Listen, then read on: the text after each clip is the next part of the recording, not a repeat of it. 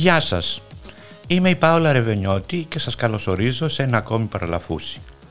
Στην αρχισυνταξία είναι ο Τάκης ο Κουρκουρίκης και στην ηχοληψία ο Γιώργος Νομικός.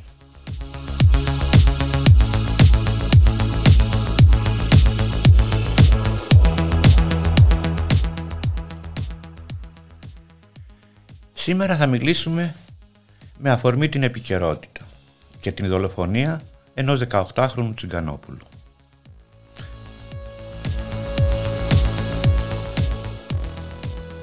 Μαζί μας θα είναι για να συζητήσουμε ο Γιώργος Τσιτηρίδης, ειδικός επί του θέματος, μιας και έχει γράψει ένα βιβλίο αφιερωμένο στους τσιγκάνους Θεσσαλονίκης.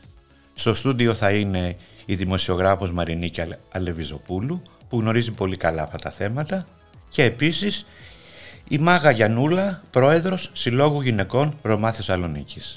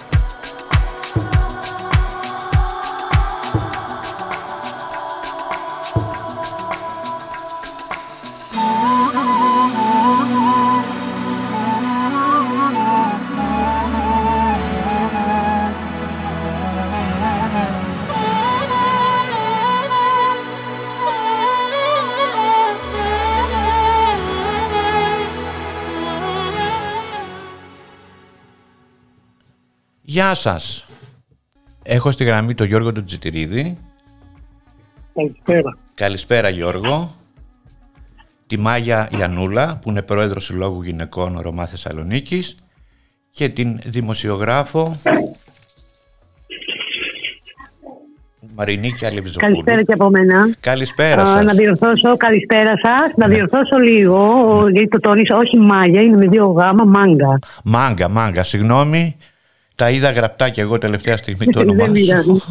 Δεν πειράζει, δεν πειράζει, συμβαίνουν βέβαια. Γιώργο. Ναι, καλησπέρα. Έχεις γράψει ένα βιβλίο τώρα τελευταία για τους ε, Ρωμά της Θεσσαλονίκης. Μπορείς να μας πεις μερικά πράγματα πάνω σε αυτό; Ναι, ναι, βεβαίως. Έχω γράψει ένα βιβλίο το οποίο το ετοίμαζα τα τελευταία έξι χρόνια. Ε, κυκλοφορεί από τις εκδόσεις Μέθεξη της Θεσσαλονίκη.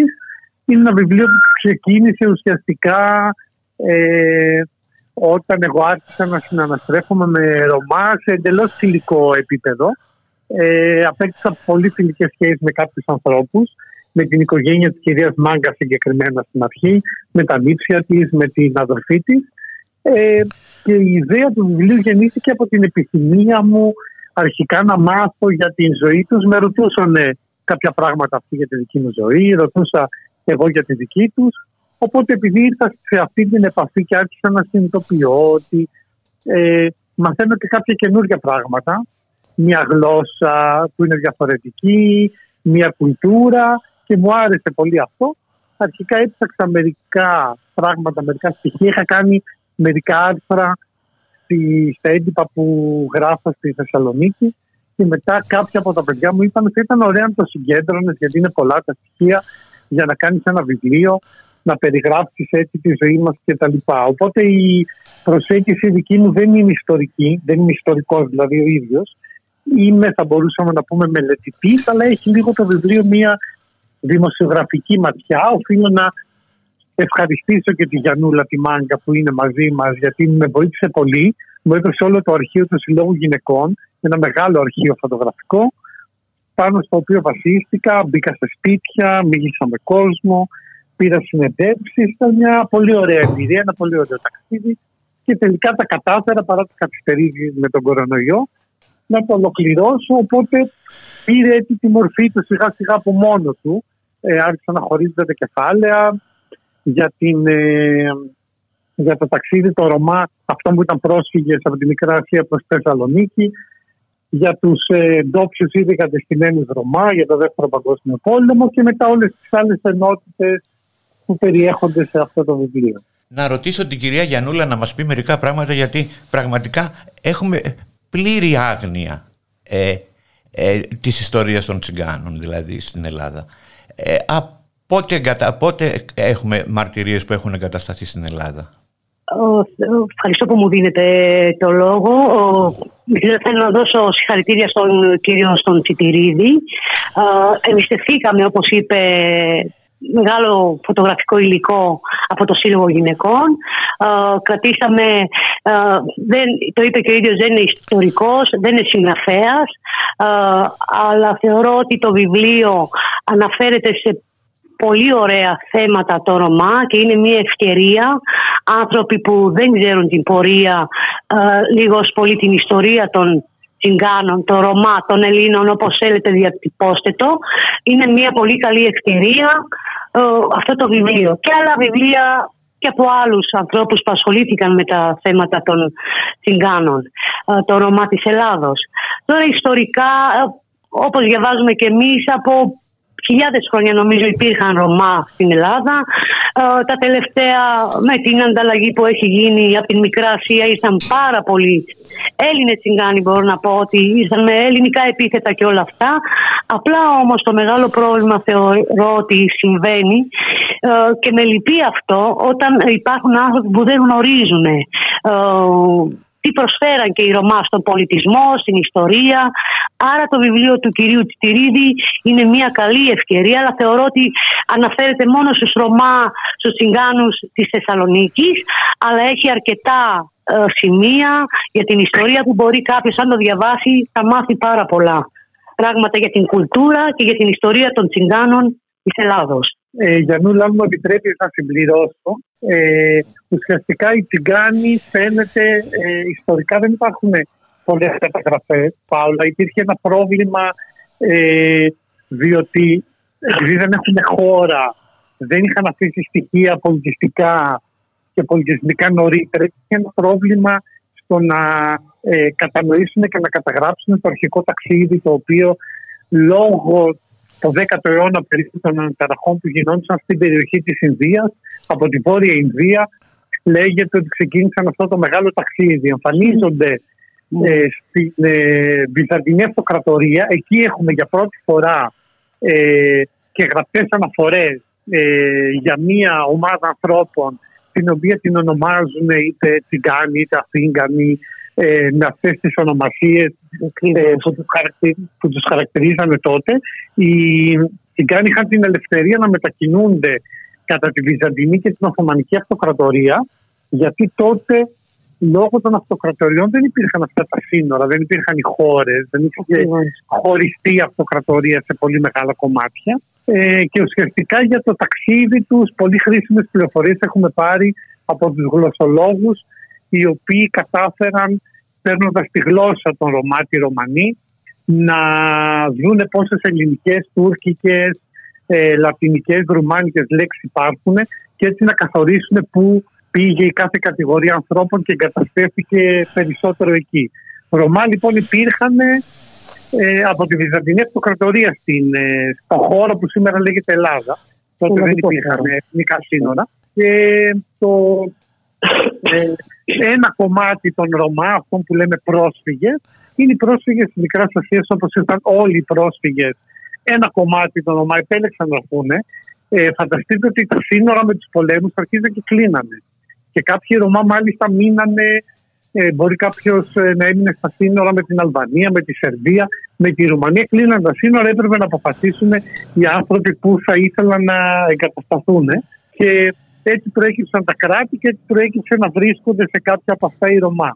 Το κακό με τους, ε, το αρνητικό με τους πρόσφυγες Ρωμά της Ελλάδος είναι ότι όταν ήρθαν, είναι κάτι που λίγοι ξέρουν, ε, δόθηκαν δικαιώματα και προνόμια σε όλους τους πρόσφυγες εκτός από τους Ρωμά. Οι Ρωμά κυκλοφορούσαν με ένα δελτίο του ανισαγενή σχεδόν μέχρι τη δεκαετία του 80, το οποίο σημαίνει ότι δεν είχαν δικαιώματα να βγάλουν χαρτιά, ούτε να πάνε σχολείο. Να ψηφίζουν δεν είχαν δικαιώματα όμως.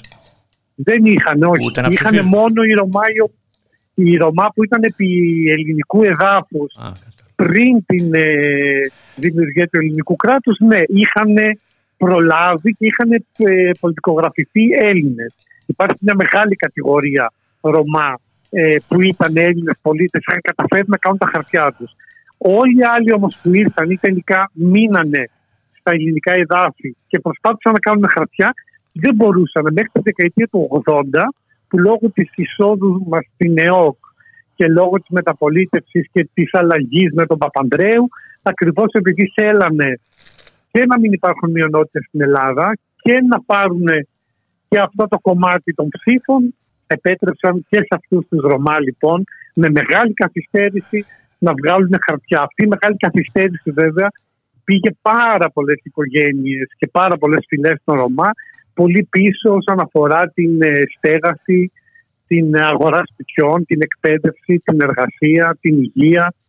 Και γι' αυτό βλέπουμε σε πολλές περιπτώσεις φαινόμενα όπως την Αγία Βαρβάρα και τον Δεδροπότομο που οι άνθρωποι είναι πολύ καλά ενταγμένοι, αλλά και περιπτώσεις άλλων Ρωμά οι οποίοι ακόμα ζουν σε πολύ άθλιε συνθήκες γιατί δεν κατάφεραν να ενταχθούν στο ε, κοινωνικό σύνολο. Να ρωτήσω και, τη, και, και την κυρία Γιαννούλα και εσένα. Ναι.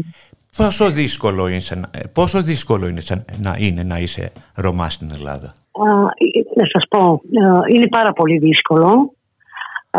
Πετε μου τα κυριότερα προβλήματα τα οποία... Τα κυριότερα προβλήματα. Έχεις να, αντι, να, δηλαδή, να αντιμετωπίσεις την κοινωνία, το πρώτο. Ό,τι αφορά αυτό, στο θέμα της εργασίας, στο θέμα της επιβίωσης ακόμη. Είναι δύσκολο να είσαι Ρωμά. Ο απλός ο Για... κόσμος πώς αντιμετωπίζει ένα τσιγκάνο; Να σας πω να μην το κάψουμε το θέμα. Απλά άνθρωποι που γνωρίζουν, ε, θεωρώ ότι αν αντιμετωπιζόμαστε με, κάποια, με κάποιο σεβασμό. Ε, αλλά υπάρχουν πάρα πολλοί στην, στην Ελλάδα που δεν γνωρίζουν για τους Ρωμά. Δηλαδή ε, υπάρχει ένα στερεοτυπικό ε, που μας ταλαντίζει χρόνια ότι ο, ο, όλοι οι Ρωμά είναι αυτό. Ε, επιτρέψτε μου να μην το πω, να μην το ονομάσω, καταλαβαίνετε πάρα πολύ καλά. Ναι. Ε, εγώ θεωρώ όμως είναι η άγνοια, η άγνοια και ότι δεν γνωρίζουν την ιστορία, δεν γνωρίζουν τα κοινωνικά χαρακτηριστικά γενικά για τους Ρωμά της Ελλάδος. Ήθελα να σας γνωρίσω, καλησπέρα, να σας ρωτήσω, καλησπέρα σας και από μένα. Είμαι η Μαρινίκη Αλβιζοπούλου, είμαι εδώ στο στούντιο με την Πάολα. Ε, μου έχει πει ότι είναι αρκετά ελεύθερα τα πράγματα εδώ, άρα μπορούμε να κάνουμε και ερωτήσεις μεταξύ μας ενδεχομένως.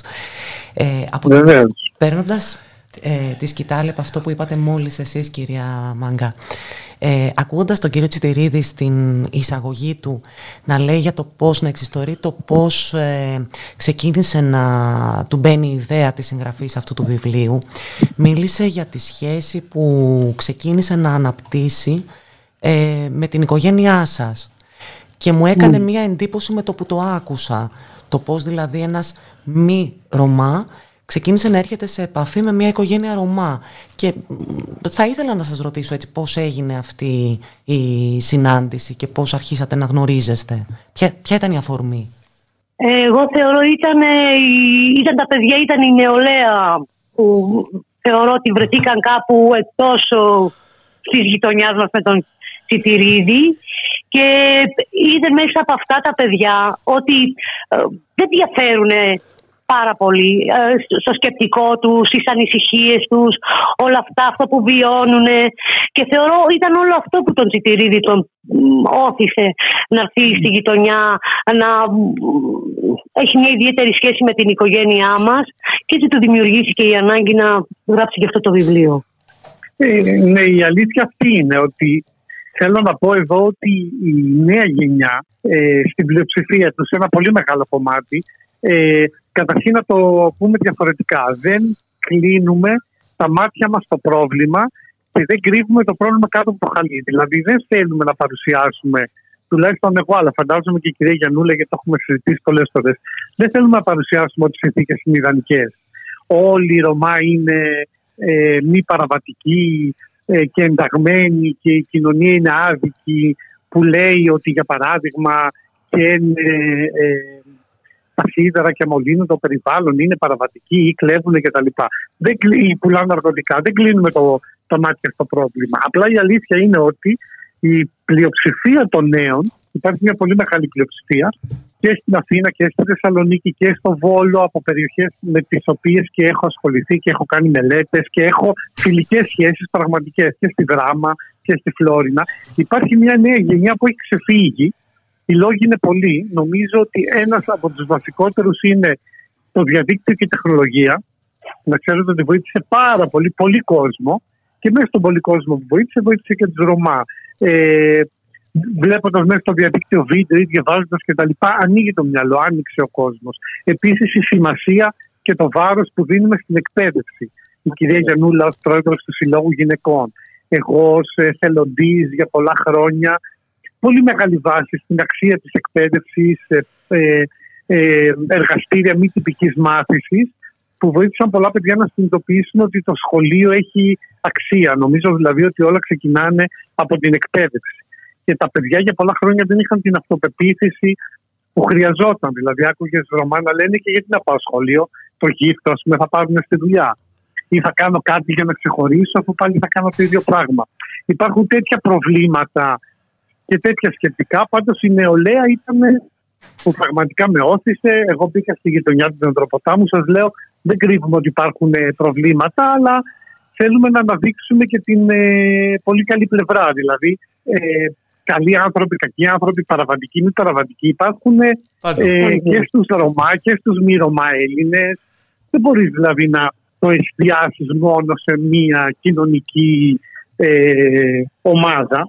Γιώργο, συγγνώμη που σε διακόπτω. Ναι. Αυτό είναι το κακό, ότι τα στερεότυπα. Δηλαδή υπάρχουν πάρα πολλοί στερεότυπα. Αν ακούσουμε Ρωμά, αμέσως το μυαλό μας πάει εκεί στην παραβατικότητα και όλα αυτά.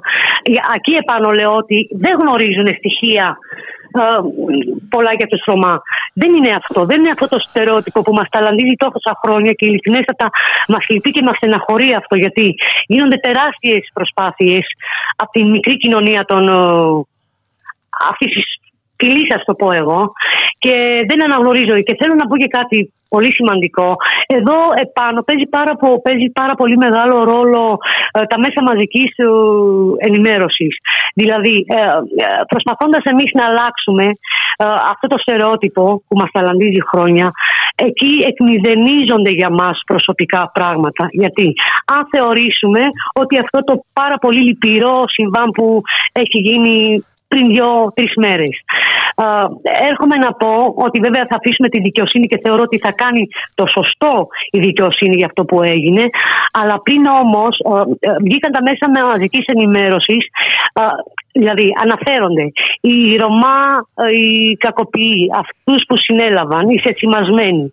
Απευθείας και έχω να πω γιατί είμαι και εκπαιδεύτρια, εκπαιδεύω αστυνομικούς για όλο αυτό να, να γεφυρώσουμε τη σχέση αυτού του στερεοτυπικού που υπάρχει και βλέπω χάσματα και κενά που υπάρχουν εκεί ότι δεν ξέρουν, δεν γνωρίζουν για τα και το κοινωνικό χαρακτήρα, γι' αυτό, για τους Ρωμά, την ιστορία, όλα αυτά. Απευθείας με το, τους είδα στο αυτοκίνητο, αμέσως τους βάλα την ταμπέλα, δηλαδή Αθήγανοι, Ρωμά αυτό εμάς μας λυπεί. Γιατί θα μπορούσαν να μην είναι Αθήγανοι οι Ρωμά μέσα. Θα ήταν οποιοδήποτε. Αναφερθήκαν αμέσως, βάλαν την ταμπέλα μέσα από τη δουλειά που κάνω εγώ, θεωρώ βρίσκω αξιόλογους ανθρώπους, αξιόλογους αστυνομικούς, γιατί εκπαιδεύουμε και αστυνομικούς της πρώτης γραμμής, που πάντα ε, είναι μέσα, δηλαδή έχουν να κάνουν με, με την εγκληματικότητα σαν αρχή. Και βρίσκω αξιόλογους ανθρώπους. Βρίσκω κενά στην, ε, που δεν γνωρίζουν και χαίρονται ειλικρινές όταν ακούνε για τους Ρωμά, για την ιστορία, αυτό που πρόσφεραν στο, στον ελλαδικό χώρο, είτε με τη μουσική, είτε με τα επαγγέλματα, όλα αυτά. Είναι χαρά τους. Εγώ θεωρώ υπάρχει μια, ένα μεγάλο χάσμα που δεν γνωρίζουν. Αλλά πριν όμως αναφερθήκαν αμέσως στους ε, Ρωμά. Για τους 7 αστυνομικούς αναφερθήκαν για την καταγωγή τους. Δηλαδή, ένας αστυνομικός ήταν βλάχος, ο άλλος ήταν κριτικός, ε, ο άλλος ήταν δεν ξέρω τι. Και τα, ε, και τα μέσα μαζικής ενημέρωσης δημιουργούν, νομίζω, ένα μίσος απέναντι στους στους πρέπει πλέον να κατανοήσουν και αν δείτε μέσα στο facebook που άνθρωποι που λένε καλά τους κάνανε καλά, δηλαδή καλά έχω ακούσει τρομακτικά πράγματα. Έχω, ακού, έχω τρομάξει. Έχω ακού, τρομάξει εγώ από αυτά που διαβάζω. εγώ θέλω να κρατήσω εγώ θέλω να κρατήσω γιατί ειλικρινέστατα με τις εκπαιδεύσεις που γίνονται υπάρχουν άνθρωποι, υπάρχουν αστυνομικοί που θέλουν να γνωρίσουν για την κουλτούρα γιατί υπάρχουν οικογένειες που δίνουν καθημερινά μάχη για τα παιδιά τους να αλλάξουν όλο αυτό που γίνεται που μας ταλαιπωρεί χρόνια και μας λυπεί και εμάς που ακούμε μέσα από τα, μέσα, τα μέσα μαζικής ενημέρωσης με το παραμικρό που γίνονται, γίνεται κατανομάζουν, βάζουν την, την ταμπελίτσα αυτή. Α, αλλά και επιτρέψτε μου να σας πω χρόνια άνθρωποι που ασχολούνται με τους Ρωμά και εμείς ακόμη οι ίδιοι την κάνει η Ρωμά θεωρώ ότι πλέον είμαστε σε πολύ καλό δρόμο και οι άνθρωποι που δώσαμε μάχη και εκπαιδευτήκαμε και πήγαμε σχολείο σε μεγάλη ηλικία. Θέλω να αναφερθώ σε μένα, το έχω ανάγκη. Ε, ο σύλλογος είναι 20 χρόνια ολόκληρο, έχει μεγάλη εμπειρία. Ε, καταλάβαμε ότι το, το θέμα της εκπαίδευσης είναι πάρα πολύ σημαντικό πράγμα. Όχι μόνο για τη δουλειά. Να μην το συνδέσουμε εκεί. Πηγαίνουν τα παιδιά σχολεία πλέον; Ε, ναι, θα μπορούσα να πω πλέον οι γονείς άρχισαν και το έχουν πρόβλημα. Το παιδί πρέπει να πάει σχολείο. Εγώ ε, άρχισα από το δικό μου σπίτι πρώτα για να μπορέσω να δυναμώσω τις γυναίκες, ε, ε, τις μανούλες. Πήγα σχολείο σε μεγάλη ηλικία. Έβαλα το γυμνάσιο δεύτερης ευκαιρίας. Έβαλα το γενικό λύκειο.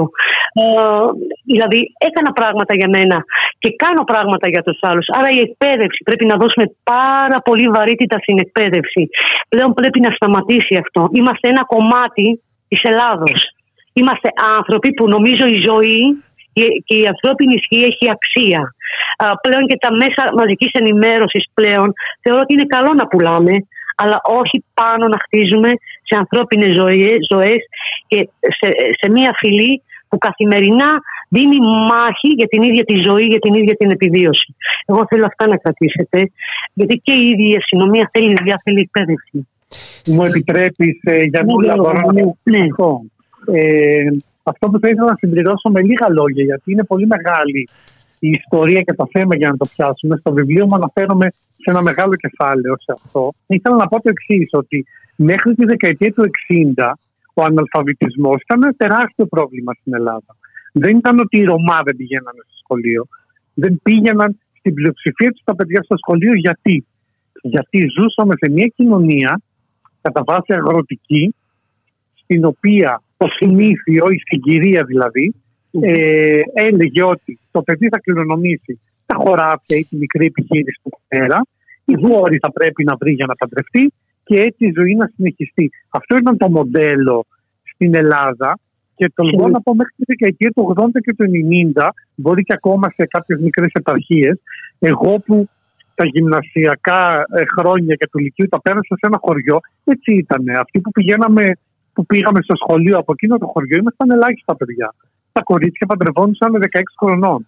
Υπήρχε το αίσθημα της παρθενίας, διότι όταν ζεις σε ένα κλειστό κύκλο, ε, θέλεις ε, για κοινωνικές σχέσεις, δεν σου επιτρέπουν να κάνεις ε, πολλά πράγματα. Θέλω να πω δηλαδή ότι πολλά από τα χαρακτηριστικά των Ρωμά σήμερα είναι χαρακτηριστικά της ελληνικής επαρχίας και της, ε, του ελληνικού τρόπου ζωής της δεκαετίας του 70 και του 80. Γιατί οι Ρωμά ζήσανε με τους Έλληνες και έτσι αναπτύχθηκαν. Τι έγινε στη συνέχεια όμως; Στη συνέχεια δόθηκαν κίνητρα και στους αγρότες. Έγινε μια πάρα πολύ μεγάλη προσπάθεια να μην υπάρχει σχολική διαρροή στους Έλληνες πολίτες αλλά τι έγινε, από αυτό το μοντέλο που λέμε Έλληνες πολίτες, εξαιρέθηκαν κάποιες ομάδες. Δεν είναι τυχαίο που για χρόνια οι Πομάκοι δεν πήγαιναν σχολείο, οι Ρωμά δεν πήγαιναν σχολείο, οι Μουσουλμάνοι της μειονότητας. Και ακόμα και σήμερα η σχολική διαρροή που παρατηρείται σε παιδιά της, ε, που έχουν καταγωγή από Ρωσία, σε παιδιά από Αλβανία, σε παιδιά Ρωμά κτλ. Γιατί, γιατί δεν δόθηκαν κίνητρα σε αυτούς τους ανθρώπους. Οι Ρωμά όπως και όλοι οι άλλοι, ε, κληρονομούσαν τη δουλειά τους στα παιδιά τους. Οι Ρωμά με το γυρολογικό εμπόριο και τα πανηγύρια δεν είχαν ανάγκη το σχολείο και δεν είχαν ανάγκη να είναι παραβατικοί. Όταν αυτό άλλαξε, ενώ στους ε, Έλληνες μη Ρωμά δόθηκαν κίνητρα, βοήθεια, ε, έγιναν πολύ μεγάλες προσπάθειες να ενταχθούν ε, ε, την αξία της εκπαίδευσης, να την μάθουν κτλ. Οι Ρωμά πάλι μείνουν στο περιθώριο. Οπότε τι κάνανε, βρεθήκανε σε μια χώρα με τεράστια οικονομική κρίση, με το επάγγελμά τους χτυπημένο, να κυνηγέται, να μην είναι τόπο. Και οπότε μια, μια μερίδα από αυτούς έγινε παραβατική. Λέμε ότι δεν κλείνουμε τα μάτια μας το πρόβλημα. Και μια άλλη μερίδα προσπαθεί να επιβιώσει και να μπει σε αυτό το σύστημα το σχολικό που πιστέψτε με δεν είναι εύκολο. Εγώ το λέω σαν ένα παιδί, πάντα το λέω στη Γιανούλα ότι έχουμε κοινά χαρακτηριστικά. Γιατί, γιατί και εγώ έχω βιώσει bullying. Σαν ένα παιδί ε, γκέι έχω βιώσει πολύ μεγάλο bullying. Τα παιδιά, τα τρανς παιδιά και τα γκέι παιδιά για χρόνια σταματούσαν γι' αυτό το λόγο το σχολείο. Σκεφτείτε λοιπόν πόσο εύκολο είναι για ένα παιδί που μπορεί να είναι και ρωσάκι, να είναι και αλβανάκι, να είναι ένα παιδί Ρωμά. Είναι εύκολο να πηγαίνει σχολείο και να είναι δακτυλοδεικτούμενο δεν θα πει τους γονείς του δεν θέλω να πάω. Και πολλοί γονείς σε σχολεία που τα παιδιά δεν είναι κατά βάση Ρωμά, μπορούν να φοβούνται να στείλουν και το παιδί του σχολείου. Mm. Πρέπει να δούμε δηλαδή λίγο σφαιρικά όλες τις πλευρές του προβλήματος και το πώς θα μπορούσαν να ενισχυθούν κάποια πράγματα για να λυθούν κάποια προβλήματα. Σήμερα ευτυχώς, εμείς μπορούμε να μιλήσουμε για τον Δεντροπόταμο στη Θεσσαλονίκη. Τα παιδιά στην πλειοψηφία τους πηγαίνουν όλα στο δημοτικό, 400 παιδιά περίπου. Στο γυμνάσιο καταλήγουν όλα. Βέβαια υπάρχει μια διαρροή μέχρι το Λύκειο, αλλά είναι σημαντικό να πούμε ότι φτάσαμε να έχουμε παιδιά τα οποία φοιτούν σήμερα στο Πανεπιστήμιο. Έχουμε τη Δανάη που είναι στο κολέγιο, έχουμε το Σταύρο στο Πανεπιστήμιο. Τα νύψια της κυρίας Μάγκα έχουν όλα τελειώσει και μάλιστα είναι επαγγελματίες αυτή τη στιγμή. Ο ένας έχει μαγαζί, ο άλλος είναι γραφίστας. Θέλω να πω ότι αυτή η αλλαγή ε, γίνεται, αλλά γίνεται με μικρά βήματα ακόμα. Και με τεράστιο αγώνα, Γιώργο. Με, με, με, τεράστιο αγώνα, ακριβώς. Ε, και ήθελα κάτι άλλο να συμπληρώσω. Ε, γενικά η πολιτεία ε, πρέπει να σκύψει γιατί αν ε, η παιδεία μεν το σχολείο είναι τεράστιο ε, ζήτημα αλλά αν θεωρήσουμε να πάρουμε παιδιά μέσα από τους καταβλισμούς που δεν έχουν νερό να πληθούν, δεν έχουν τα απαραίτητα φανταστείτε τώρα να πάνε σε ένα σχολείο το οποίο είναι και άλλα παιδιά να είναι λερωμένα αυτά τα παιδιά. την τροπή που νιώθουν αυτά τα παιδιά να είναι, όταν θα τα παπούτσια τους να είναι μέσα στη λάσπη. Δηλαδή η κοινωνία των πολιτών πρέπει να πάρει και αυτά υπόψη της.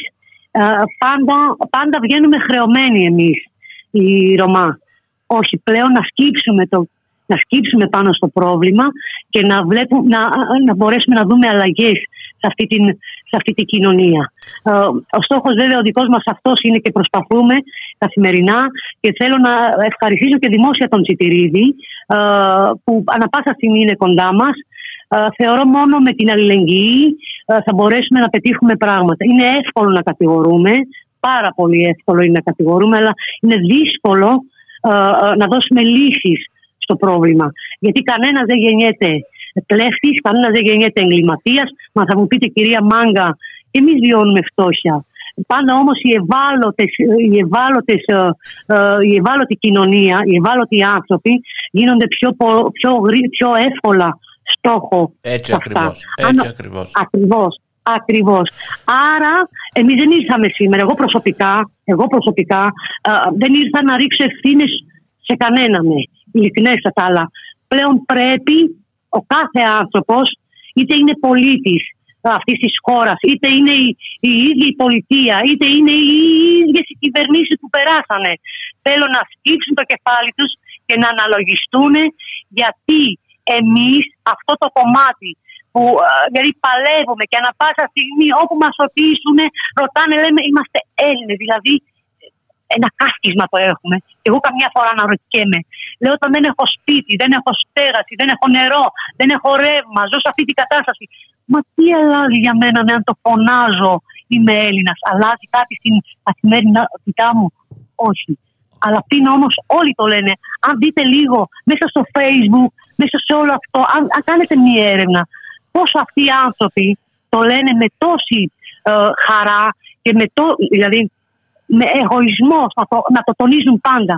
Εγώ θέλω η εκάστοτε κυβέρνηση, η πολιτική να στήσουν πλέον το κεφάλι τους, γιατί δεν πάει άλλο, είναι Δεν, δεν πρέπει έχουμε... η Ρωμά να γίνουν στόχο, γινόμαστε στόχο. Και τα μέσα μαζικής ενημερότητας πλέον να το σταματήσουν αυτό, γιατί υπάρχουν και άνθρωποι, υπάρχουν τα προσωπικά δεδομένα, λέω, υπάρχουν τα προσωπικά δεδομένα του κάθε ανθρώπου που πρέπει να το σεβαστούν, να σεβαστούν την ιδιότητα, την, ε, ε, ο κάθε άνθρωπος να ονομάζουν αν είναι πόντιος, γιατί το, δεν το λένε. Αν είναι Ρωμά, αμέσως γίνεται στόχος.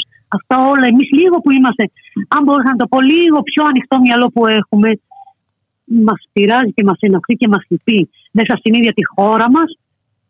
Να είσαστε στο περιθώριο. Να μας, στο να περιθώριο, να, μας, στο περιθώριο. Να μην σας αντιμετωπίζουν σαν Έλληνες, να μην λένε Έλληνες, να λένε ο γύφτος, να λένε ο Τσιγκάνος, να λένε τα έχω ακούσει επαναλημμένω. Τα έχω ζήσει. Αυτό υπήρχε πριν χρόνια, να σας πω κάτι, πριν 50 χρόνια θεωρώ πλέον η ανθρωπότητα εξελίσσεται. Δεν θεωρώ αυτά εγώ όλα που βλέπω και ακούω, αυτά μόνο από ανεγκέφαλους μπορούν να, να υποθούν. Οι άνθρωποι με ανοιχτά μυαλά δεν θα θεωρούσα. Ε, ε, πρέπει να δώσουμε χέρι στο πρόβλημα. Κοιτάξτε να δείτε, εγώ έχω ζήσει ναι. μια ζωή λίγο ε, το βράδυ και έχω ναι. γνωρίσει δεκάδες ανθρώπους.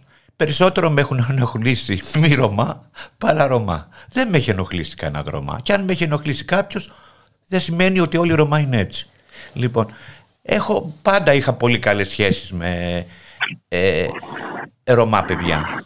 Φιλικές, μιλάγαμε, δεν με αντιμετωπίζανε ρατσιστικά, ε, δεν με αντιμετωπίζανε και δεν έχω δει και έχουν μπει και στο σπίτι μου, δεν με έχει κλέψει κανένας. Δεν, δηλαδή αυτά που ακούω και διαβάζω τώρα τελευταία έχω τρομάξει πραγματικά. Γιώργο, να σε ρωτήσω κάτι. Χρησιμοποιείς τη λέξη αντιτσιγκανισμός στο βιβλίο σου, λέξη που θυμίζει τον αντισημιτισμό; Ναι. είναι μια λέξη η οποία ε, έχει καθιερωθεί μαζί με τον αντιρωμανισμό ε, και η οποία υιοθετήθηκε και όταν προβλήθηκε περισσότερο το Ρωμά ολοκαύτωμα. Και εδώ και είναι κάτι που δεν γνωρίζουμε εύκολα. Μιλάμε πάντα για το ολοκαύτωμα των Εβραίων και δεν μιλάμε και σπάνια μιλάμε για, τα, ε, για το 25.000 ε, άτομα σκοτώσανε σε πολλές πόλεις στην Κροατία, ας πούμε, στη Ρουμανία, σε άλλους τους εξοντώσαν εντελώς. Και δεν μιλάνε γι' αυτό. Ευτυχώς δεν προλάβανε. Δεν προλάβανε.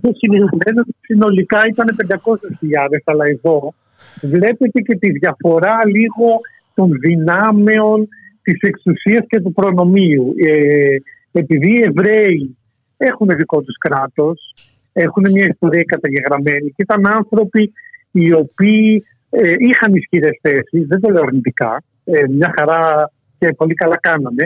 Επιστρέφοντας στις ε, πατρίδες τους, διεκδικήσαμε την ε, προβολή του ολοκαυτώματος και πάρα πολύ καλά κάνανε γιατί θα έπρεπε να προβληθεί να βγουν στην επιφάνεια τα τερατουργήματα για να, μην για να δει, τα δει ανθρωπότητα και να μην επαναληφθούν ποτέ.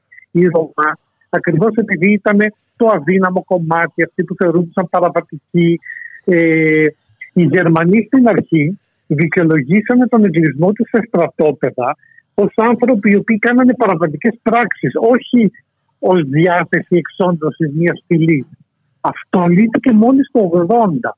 Και μετά το 80, από το 90 και μετά, άρχισε λίγο να συζητιέται το ολοκαύτωμα. Στην Ελλάδα τα τελευταία χρόνια και ο Σύλλογος Γυναικών και οι άλλοι σύλλογοι εκείνη την ημέρα κάνουν εκδηλώσεις ακριβώς για να μην ξεχαστεί για να μπορέσουμε να συλλέξουμε στοιχεία.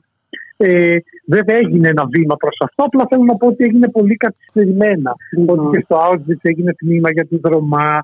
Ήταν κάτι το οποίο κρατήθηκε περισσότερο στο περιθώριο σε σχέση με, άλλες, ε, με άλλα ολοκαυτώματα.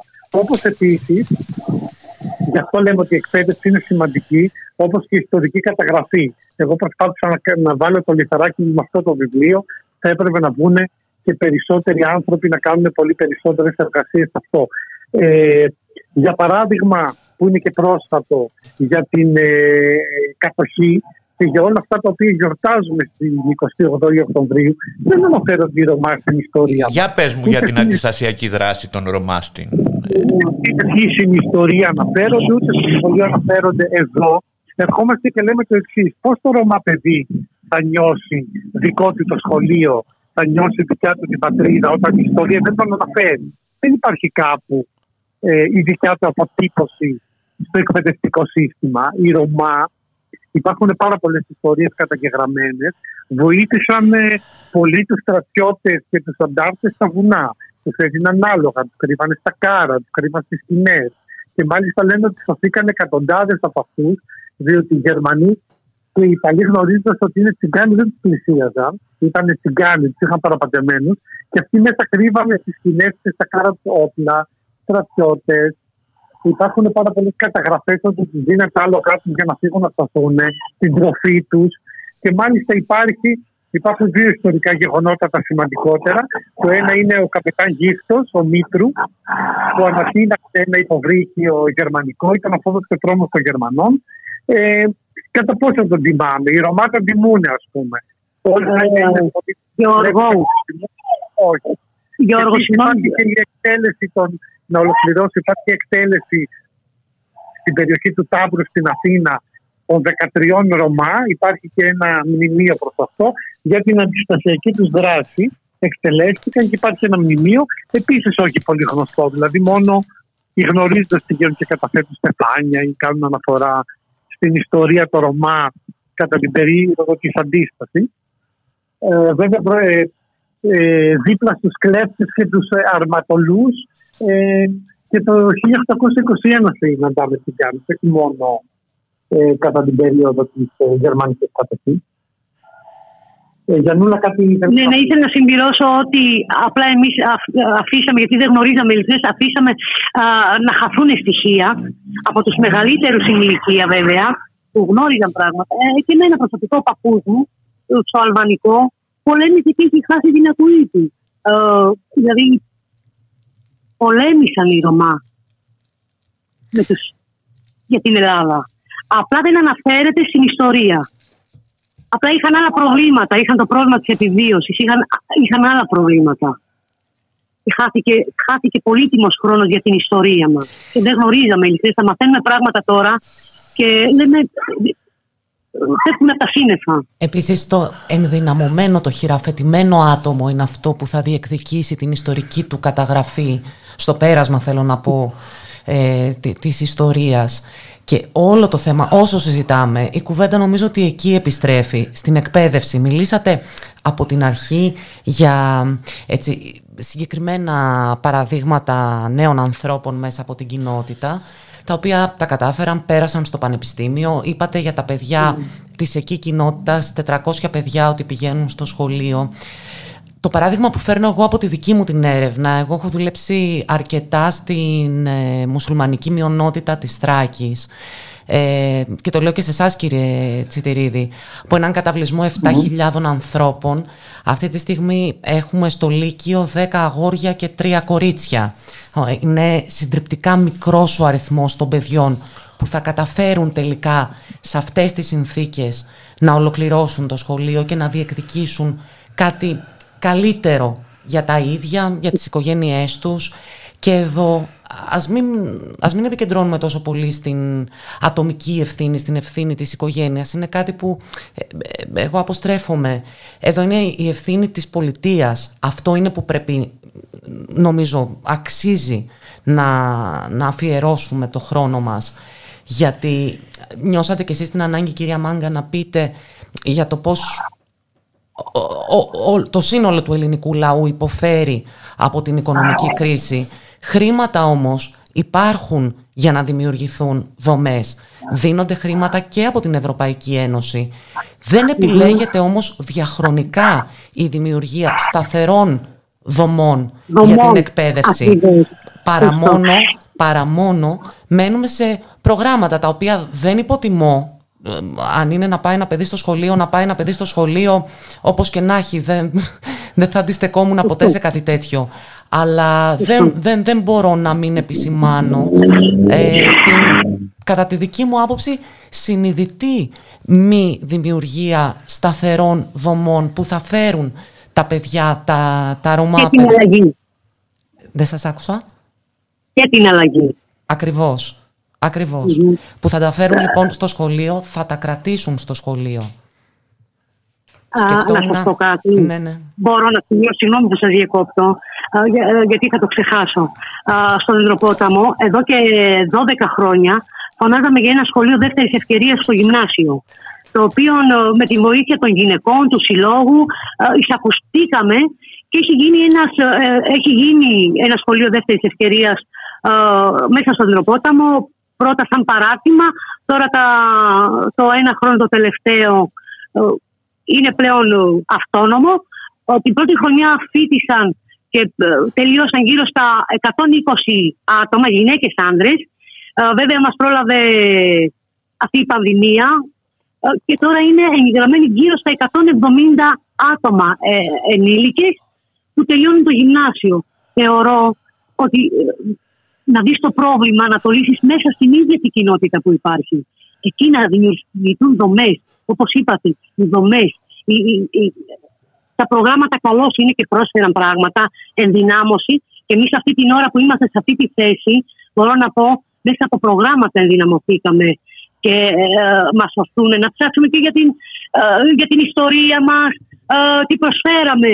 Οι Ρωμα τι προσφέρανε στο ελληνικό χώρο, ε, πόσο σημαντικοί είμαστε κι εμείς σε αυτό το κομμάτι. Ε, και τα προγράμματα χρειάζονται. Αφήνω όμως οι σταθερές δομέ, όπως είπατε, το ίδιο το κράτος, γιατί τα προγράμματα έρχονται και φεύγουν. Ένα πρόγραμμα θα βγει για ένα χρόνο, για δύο χρόνια. Θα μείνει εκεί. Αλλά αν αφήσει ανθρώπους πίσω του που θα δώσουν αγώνα να φέρουν την αλλαγή, είναι καλά και τα προγράμματα. Το καλό είναι η ίδια η πολιτεία μας και να σας πω και κάτι άλλο να σημειώσω. Και το κακό είναι ε, ε, οι πολιτικές που γράφουν για τη ΣΟΜΑ. Α πούμε, κάθε τέσσερα χρόνια ή από δέκα χρόνια ε, γράφονται πολιτικές καλώς και οι πολιτικές χαράξεις είναι ωραίο. Αλλά πριν όμως η τάξη κυβέρνηση που έρχεται, έρχεται και αναιρεί την άλλη κυβέρνηση. Δεν πρέπει, πρέπει να υιοθετήσουμε καλές πρακτικές πλέον. Η συνεργασία, να δούμε ένα πρόγραμμα αυτό που η κάθε κυβέρνηση τι έκανε καλό. Καθίστε να το υιοθετήσουμε κι εμείς να το κάνουμε. Είναι πολλά που θέλει, είναι, είναι πολλά που πρέπει να αλλάξουν. Πρέπει πλέον να σκύψουμε όλοι το, το κεφάλι μας σε αυτό το κεφάλαιο που λέγεται, λέγεται Ρωμά Τσιγκάνη της Ελλάδος. Πάντως... ένα κομμάτι, πέστε μου. Όχι, λέω, πάντως ακόμη και στη Γαλλία που φημίζεται πολύ για την ανεκτικότητά τους, πριν λίγα χρόνια ένας μεγάλος πληθυσμός Ρωμά εκδιώχτηκε πίσω στη Ρουμανία. Με συγχωρείτε, αυτό, δεν θα απαντήσω σε αυτό γιατί να σας πω, ναι. εμείς δεν έχουμε άλλη χώρα να διωχτούμε. Ναι, έχετε δίκιο. Είμαστε Έλληνες. Είμαστε πολίτες αυτής της χώρας, αλλά πριν όμως με δικαιώματα που πρέπει να σκύψουμε, να δούμε πώς μπορούμε ναι, αλλά σύμφωνα με την Ευρωπαϊκή Ένωση όμως και οι, Ρουμάνοι, και οι, ε, οι Τσιγκάνοι της Ρουμανίας και οι Ρωμά της Ρουμανίας ε, μπορούν να πηγαίνουν σε όποια χώρα θέλουν. Πώς τους διώξαν από μια χώρα. Α, άλλο εκείνο. Το να πάω κάπου δεν μου το απαγορεύει κανένας. Αλλά εγώ θεωρώ γιατί είπατε διωχτήκα, διωχτήκανε. Αυτό το κεφάλι είναι πολύ μεγάλο που εγώ δεν θα το συζητήσω ειλικρινέστατα. Θα το κλείσω εδώ εγώ αυτό το κεφάλαιο. Ωραία. ωραία. Ε, Γιώργο, και... Ναι. Και Μαρινίκη, πιστεύετε ότι ήταν ρατσιστικό αυτό το έγκλημα που έγινε τώρα τελευταία απέναντι στους τσιρικάδες; Κοίταξε, από τα στοιχεία που έχουμε μέχρι τώρα στα χέρια μας, ε, να πούμε πρώτα απ' όλα ότι η εκπομπή θα αποβληθεί με μια χρονική απόσταση. Ε, με τα στοιχεία λοιπόν που έχουμε μέχρι τώρα στα χέρια μας, γνωρίζουμε με βεβαιότητα ότι το πρώτο πλήρωμα το, της ομάδας Δίας γνώριζε ότι επιβαίνουν Ρωμά στο αυτοκίνητο. Ε, από τα ηχητικά που προβλήθηκαν και στην τηλεόραση πια, ε, τους ακούσαμε να λένε είναι μέσα Αθήγκανοι. Ε, η οικογένεια του θύματος, του Νίκου Σαμπάνη, ε, ζητά ε, να εξεταστεί και το ρατσιστικό κίνητρο ε, το εάν τελικά θα εισαχθεί ως ε, επιβαρυντικός παράγοντας μένει να, να το δούμε. Ε, από τον πιτσιρικά που, που παραδόθηκε, τον οδηγό του αυτοκινήτου, επίσης τον ακούσαμε να λέει ότι οι αστυνομικοί είχαν εικόνα τους, στάθηκαν ε, δεξιά του αυτοκινήτου, έβλεπαν ποιοι είναι μέσα. Πέραν του ότι από ό,τι φαίνεται μπορούσαν να δουν ότι είναι Ρωμά, κατά πάσα πιθανότητα μπορούσαν να δουν ότι είναι και ανήλικα μικρά παιδιά, γιατί μιλάμε για πολύ μικρά παιδιά μέσα όχι για τον 20χρονο που ακούστηκε στην αρχή, στην αρχή. Είναι ένας 14χρονος, ένας 16χρονος που βρίσκεται στο νοσοκομείο. Και ρίστο εμπαρόδο για να επανέλθω και σε αυτό που έλεγε η κυρία Μάγκα νωρίτερα για την ευθύνη των μέσων μαζικής ενημέρωσης. Ουδής έχει ασχοληθεί μέχρι τώρα για το σε τι κατάσταση βρίσκεται αυτό το παλικάρι στο νοσοκομείο. Δεν ξέρω αν υπάρχει παρόμοιο ε, περιστατικό στη χώρα μας, τα μέσα μαζικής ενημέρωσης θέλω να πω, με μια τέτοια ακραία καταδίωξη ενός αυτοκινήτου που γαζώθηκε με 36 σφαίρες, να έχουμε έναν τραυματία στο νοσοκομείο και επί πέντε ημέρες να μην ασχολείται κανείς με την κατάσταση της υγείας του. Δεν γνωρίζουμε τίποτα για αυτό το παιδί. Η αρχική πληροφορία ήταν ότι πυροβολήθηκε στο χέρι, αργότερα διαβάσαμε ότι πυροβολήθηκε στην κοιλιά και χειρουργείται. Γνωρίζουμε από το υπόμνημα της οικογένειας το οποίο δημοσιοποίησαν οι δικηγόροι της οικογένειας του Νίκου Σαμπάνη, του δολοφονημένου 18χρονου παιδιού, ότι το παιδί αυτό νοσηλεύεται στο Τζάνιο νοσοκομείο φρουρούμενο και ως εκεί. Δεν ξέρουμε τίποτε άλλο. Δεν ξέρουμε ποιοι το επισκέπτονται, δεν ξέρουμε σε ποιο καθεστώς βρίσκεται, δεν ξέρουμε ποια είναι η κατάσταση της υγείας του, δεν ξέρουμε τίποτα. Ε, ε, άκουσα ότι δεν αφήνουν και τη μητέρα του να τον δει ακόμη είναι κρατούμενος, θεωρείται κρατούμενος.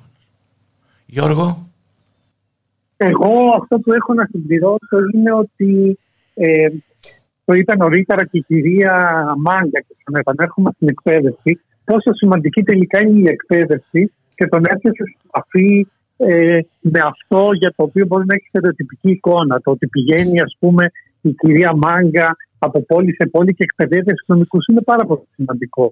Καταρχήν, ας πιαστούμε από αυτό που είπαν, ότι είναι αθήγκανοι. Είναι δυνατόν εν έτη 2021 να εκπαιδεύσει ένα αστυνομικός και να λες του Ρωμά ή Τσιγκάνους Αθήγανου. Δηλαδή είναι κάτι που και ιστορικά δεν στέκει, είναι μια λάθος έκφραση κτλ. κτλ. Θεωρώ και εγώ ότι ε, από τη στιγμή που πήραν εντολή πάνω από πέντε φορές να σταματήσουν αυτή την καταδίωξη, έπρεπε να σταματήσουν. Οπότε ήταν ε, αυτός ο υπερβάλλοντας ζήλο το ότι θέλω να. Είναι λίγο αυτό το ότι θέλω να το παίξω κλέφτης αστυνόμος. Πολύ έτσι βλέπουμε. Δεν ξέρω πώς. Με 40 σφαίρες σε τρία πιτσιρίκια. Είχαν, αλλά ήθελα να πω κάτι άλλο που επίσης για μένα έχει ενδιαφέρον. Αν θέλετε να σταθούμε λίγο. Ε, δολοφονίες ε, Ελλήνων κατοίκων από την ε, αστυνομία έχουν γίνει πολλές στο παρελθόν. Και για Ρωμά και για μη Ρωμά Έλληνες. Για να δείτε ότι ακόμα και το υποστηρικτικό κομμάτι, η αριστερά, οι άνθρωποι με ανοιχτό μυαλό, που δεν είναι ρατσιστές, οι ανθρωπιστές, η κοινωνία των πολιτών, πώς αντέδρασε στη δολοφονία του Γρηγορόπουλου, πώς αντέδρασε στη δολοφονία του Φίσα, πώς αντέδρασε στη δολοφονία του Κωστόπουλου και πώς αντιδράει κάθε φορά που δολοφονείται ένας τσιγκάνος, γύφτος, όπως θέλετε πείτε το. Στην περίπτωση του Γρηγορόπουλου ή στην περίπτωση του Φίσα, μπορούν να μαζευτούν χιλιάδες άνθρωποι στα δικαστήρια να κάνουν πορεία. Mm-hmm. Στου Ζακοστόπουλου λιγότεροι, στου Ρωμά κανένας. Δηλαδή, τι θέλω να πω. Γίνανε κάποιες προσπάθειες να γίνουν κάποιες πορείες διαμαρτυρίες.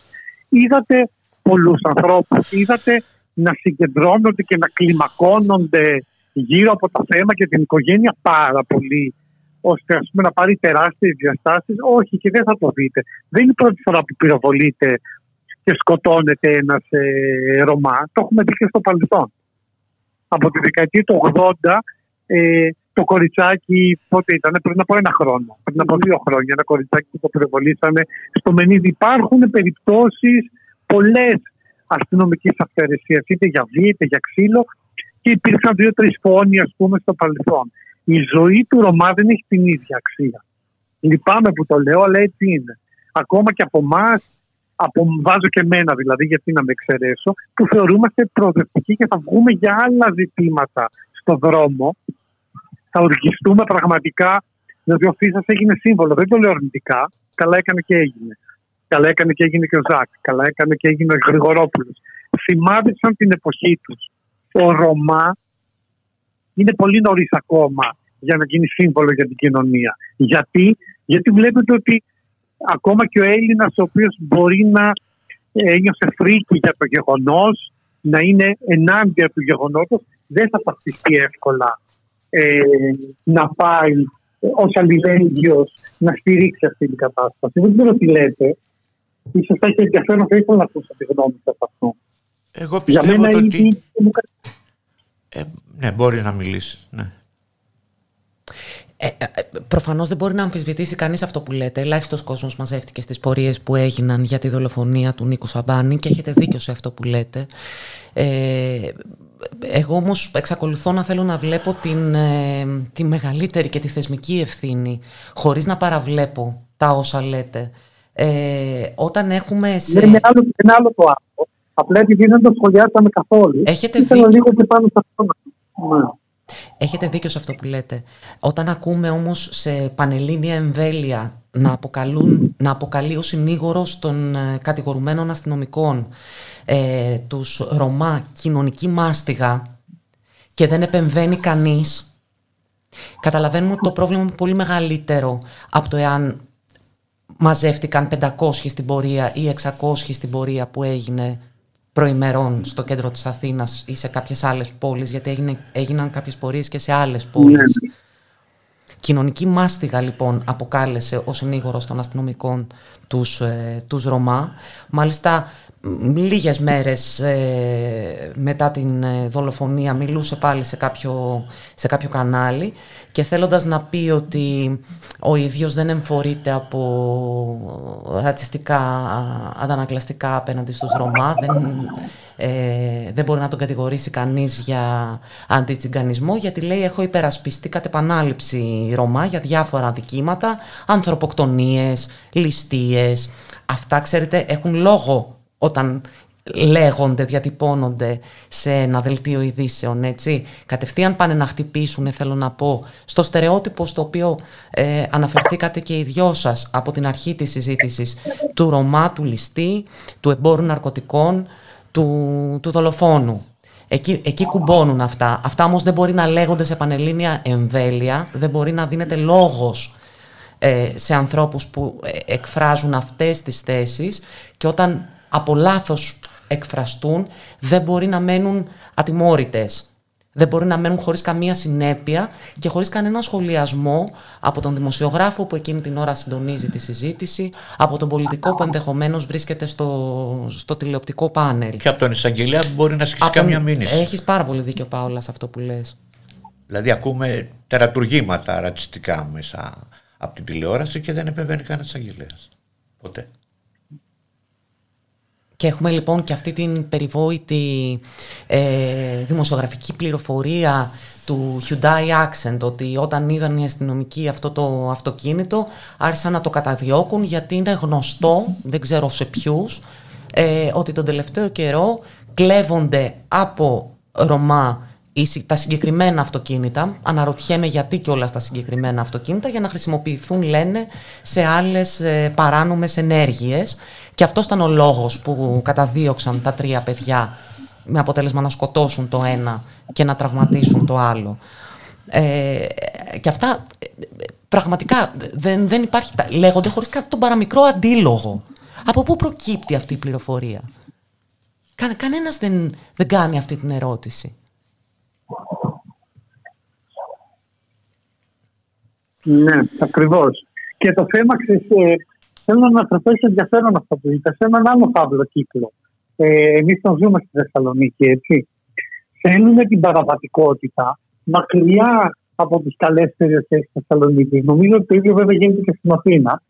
Δηλαδή, όταν ε, θα δημιουργηθεί μια ψάρια με ναρκωτικά ή με κάποια παραβατικότητα μια καλή περιοχή της ε, Θεσσαλονίκης, στο κέντρο της Θεσσαλονίκης, θα επέμβουν οι πολίτες, οι δημοσιογράφοι, οι αστυνομικοί, χρήση στην πλατεία του Σταντέλη που πουλάνε παράνομα τσιγάρα ή πουλάνε ναρκωτικά. Τι είναι αυτά τα πράγματα. Πηγαίνουν, ε, αποκαταστούν την τάξη και τι κάνουν.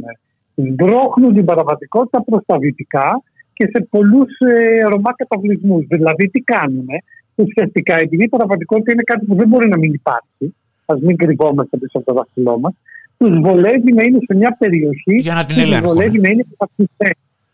Και να σας πω γιατί. Γιατί όλοι αυτοί οι άνθρωποι που μιλάνε με φρίκη για την Ρωμά, τσιγκάνοι, γύστη, παραβατικοί, κλέφτες κτλ., με τις αυτοκινητάρες του με τα φουνέ τζάμια, θα πάνε στο Δεντροπόταμο και σε άλλες περιοχές, θα τα πάρουν τα ναρκωτικά τους. Ξέρουν ότι θα τα πάρουν από εκεί. Και μετά, ο φαύλος κύκλος, μιας και αναφερθήκαμε σε συνηγόρους, δικηγόρους κτλ., είναι πιο ότι άπειροι από αυτούς έχουν πλουτίσει από τους μεγαλέμπορους που τους δίνουν τις υποθέσεις. Τότε δεν είναι γύφτη, τότε δεν είναι κοινωνική μάστιγα. Όταν μπαίνει στο ένα εκατομμύριο σε βραχμέ, δεν ξέρω πόσες χιλιάδες ευρώ για να υπερασπιστείς τον άλλον. Και ουσιαστικά κάνεις τον πλούτο σου και τη ζωή σου. Από τα λεφτά του μεγαλέμπορου δεν είναι κοινωνική μάστιγα. Έχουμε λίγα λεπτά ακόμη. Έχουμε, άλλη περίπτωση. Δηλαδή. Έχουμε ναι, λίγα λεπτά ακόμη να ολοκληρώσουμε και οι τρεις καλεσμένοι αν θέλουν να πούνε κάτι. Ναι, να ολοκληρώσω εγώ γιατί πρέπει να σας αφήσω. Εγώ θεωρώ, έχω, έχουμε εμπιστοσύνη στην ελληνική δικαιοσύνη που θα πράξει σωστά αν ήταν ε, ρατσιστικό όλο αυτό που έγινε δεν θεωρώ ότι θα πράξουν σωστά να υποδοθεί δικαιοσύνη ε, γιατί μιλάμε για μια μανούλα που έχωσε το παιδί της, μια γυναίκα που ε, έμεινε με τρία παιδιά στα 16 της χρόνια ε, και για αυτήν η ζωή σταμάτησε εκεί. Εγώ θεωρώ, έχω εμπιστοσύνη στην ελληνική δικαιοσύνη. Γιώργο. Και μακάρι να μπορούσαμε εμείς με μια εκπομπή να λύναμε όλα τα προβλήματα που βιονίζουν ε, χρόνια στους Τσιγκάνους, στους Ελλάδος, στους Ρωμά. Ε, θα ήταν χαρά μας να το λύσουμε εμείς. Αλλά απλά θέλω μέσα από αυτή την εκπομπή να βγει ένα θετικό μήνυμα ε, η κοινωνία των πολιτών να μάθει πριν αρχίσει να κατηγορεί. Γιώργο. Εγώ θα σταθώ πολύ για άλλη μια φορά έτσι κλείνοντας στην εκπαίδευση. Θα πω ότι είναι πάρα πολύ σημαντικό να αποκτάτε γνώση.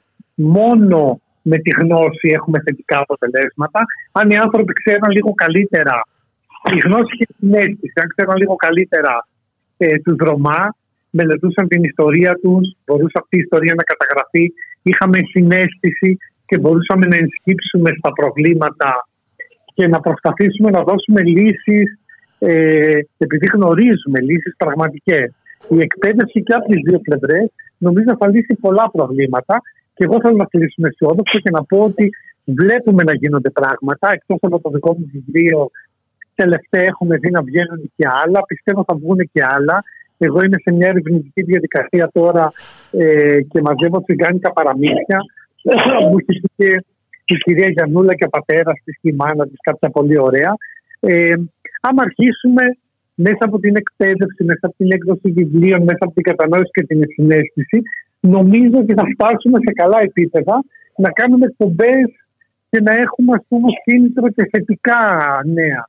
Όχι τόσο δυσάρεστα την επόμενη φορά. Το εύχομαι. Μαρινίκη μου, πιστεύεις, Εμένα... πιστεύεις ότι θα αποδοθεί η δικαιοσύνη; Αυτό ήθελα να πω, Πάολα. Εμένα θα μου επιτρέψεις να μην είμαι τόσο αισιόδοξη και να μην έχω τυφλή εμπιστοσύνη στην ελληνική δικαιοσύνη. Κυρίως όταν στο μικροσκόπιό της μπαίνουν, μπαίνει, μπαίνει η αστυνομία. Και έχω λόγο για τον οποίο το λέω αυτό. Ε, με τη δημοσιογραφική ομάδα στην οποία ανήκω, την ε, Manifold, ε, ανοίξαμε πρόσφατα έναν φάκελο για την αστυνομική βία και αυθαιρεσία. Στο πρώτο κείμενο που δημοσιοποιήσαμε, δημοσιεύσαμε, αναφερθήκαμε ακριβώς σε αυτό το καθεστώς ατιμορρησίας της ε, αστυνομικής βίας και αυθαιρεσίας με τεράστια ευθύνη της ελληνικής δικαιοσύνης ε, αναφερθήκαμε λοιπόν σε μια σειρά από υποθέσεις που έχουν φτάσει στο Ευρωπαϊκό Δικαστήριο Δικαιωμάτων του Ανθρώπου. Ε, έχει κατηγορηθεί η χώρα μας, έχουμε κληθεί να πληρώσουμε πρόστιμα στους ανθρώπους οι οποίοι πήγαν τις υποθέσεις τους στο Ευρωπαϊκό Δικαστήριο. Η χώρα μας βρίσκεται σε καθεστώς υψηλής επιτήρησης από το Συμβούλιο της Ευρώπης για, για μια σειρά από υποθέσεις αστυνομικής βίας και αυθαιρεσίας. Ε, και εδώ ο, ο ρόλος της ε, ελληνικής δικαιοσύνης είναι τεράστιος. Αξίζει να πω ένα μόνο, μία μόνο από τις υποθέσεις αυτές.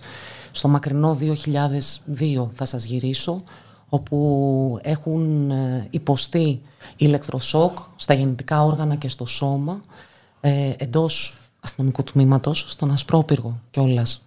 Κάνει κύκλους η, η ιστορία, από αστυνομικό. Ε, η υπόθεση είχε το, το μηχάνημα του, με το οποίο έκανε ηλεκτροσόκ στους ανθρώπους αυτούς έφυγε από το τμήμα και πήγε σπίτι του, το έφερε και επέστρεψε στο τμήμα και τους βασάνισε με αυτό. Η υπόθεση πήρε 12 χρόνια στην ελληνική δικαιοσύνη. Οι άνθρωποι αυτοί κατάφεραν και έφτασαν στο Ευρωπαϊκό Δικαστήριο. Καταδικάστηκε η χώρα μας, διότι η πειθαρχική αντιμετώπιση της αστυνομίας προς τον αστυνομικό αυτό ήταν 100 ευρώ πρόστιμο και στο πέρασμα των χρόνων προαγωγή. Η ιδέα αντιμετώπιση της ελληνικής δικαιοσύνης ήταν 5 χρόνια εξαγοράσιμα με το χαμηλότερο κιόλας τίμημα, 5 ευρώ την ημέρα και μάλιστα σε δόσεις γιατί έκαναν δεκτή δεκτό το αίτημά του περί δύσκολης οικονομικής κατάστασης στην οποία βρισκόταν ο αστυνομικός. Λοιπόν, λυπάμαι. Εγώ δεν έχω τυφλή πίστη στην ελληνική δικαιοσύνη όταν αντιμετωπίζει αστυνομικές υποθέσεις. Ελπίζω να διαψευστώ στην προκειμένη περίπτωση. Ε, μένει να το δούμε. Α ελπίσουμε να αλλάξουν τα πράγματα. Α ελπίσουμε. Σας ευχαριστώ πάρα πολύ όλους σας. Η εκπομπή τελείωσε. Να είστε καλά και ευχαριστώ που με τιμήσατε με την παρουσία σας. Εσύ μας τίμησες Πάολα, ευχαριστούμε και εμείς πολύ. Γεια σας.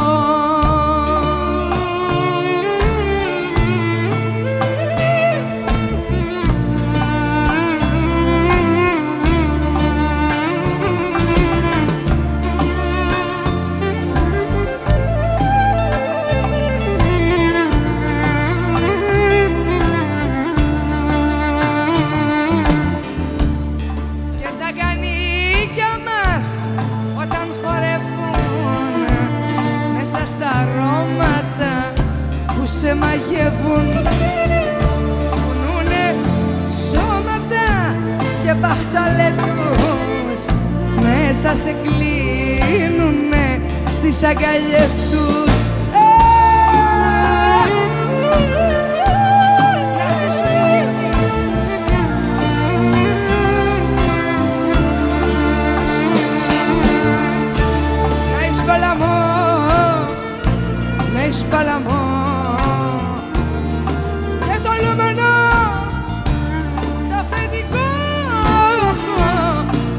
Τα καλά, πορτσι, παλά, μο, τα σπαλά,